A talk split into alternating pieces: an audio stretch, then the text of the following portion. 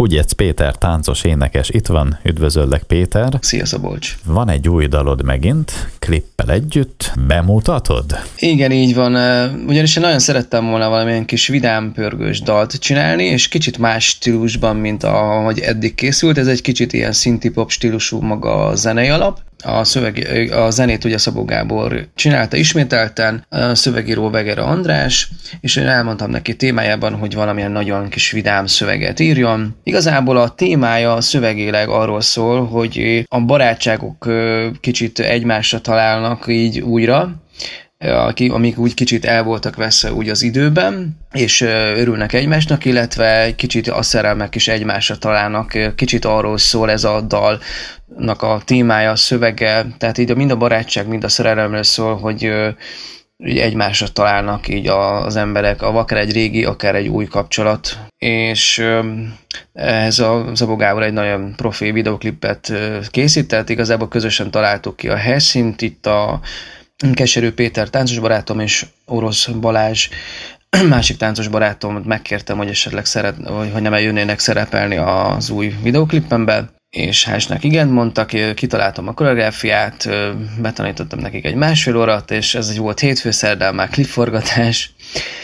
Azért azt el kell mondjam, hogy az ez két különböző időpontban volt a forgatás, tehát egyszer le, leforgattuk az egyéb részeket, ez még pont ilyen nagyon jó időben, így szeptember elején, utána pedig rá öt hétre vettük fel a táncos részeket, mert ugye nehéz volt megtalálni, hogy na ki is táncoljon még igazából a klipben, mert a régiek sajnos most a Amri Dominik most nem tudták vállalni. Aztán így a, a Peti és a Balázs vállalták, és hát örülök nekik, hogy őket választottam, mert nagyon jó lett maga a klipben is a, az egész összhatás, így a táncban is energikus lett, és hát azt, azt a visszajelzést kaptam, hogy egyik eddig legjobb klippem lett, és a dal is, hogy nagyon jó, és igazán ez vagyok én, tehát, hogy nagyon jó. Ja, és persze van egy pici rap rész is benne azért, azért azt se hagytuk ki, és a bridge refrén éneklem a dalban, azt mondod, egy vidám, pörgős dal, de hát tulajdonképpen neked mindegyik dalod vidám és pörgős dal.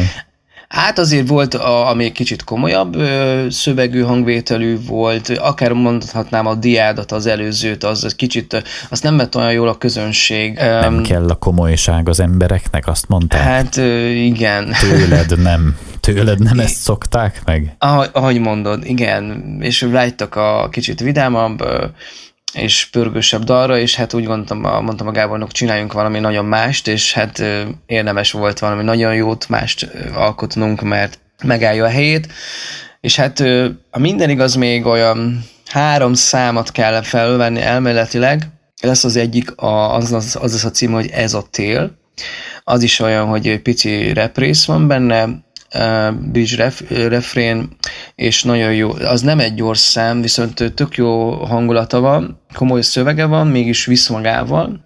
A másik dal pedig Sándor Jászminnal jön a harmadik duett dalunk végre, az is egy pörgős, gyors, latinos dal lesz, és az a címe, hogy Úgy alszol el, aztán jön egy harmadik, az meg egy reggaeton. Tehát igazából még ezek készülgetnek, és hát, de úgy gondolom, ha sikerül a nagy lemezt így megcsinálni, akkor úgy gondolom, hogy ez tök jó lesz abból egy kis szeretet adni mindenkinek, úgymond a közönségnek. De hát megmutatjuk most a dalt, a Szállnék a széllel címűt. Okay. Hogy Péter, örülök, és köszönöm én szépen. Én is örültem, és köszönöm.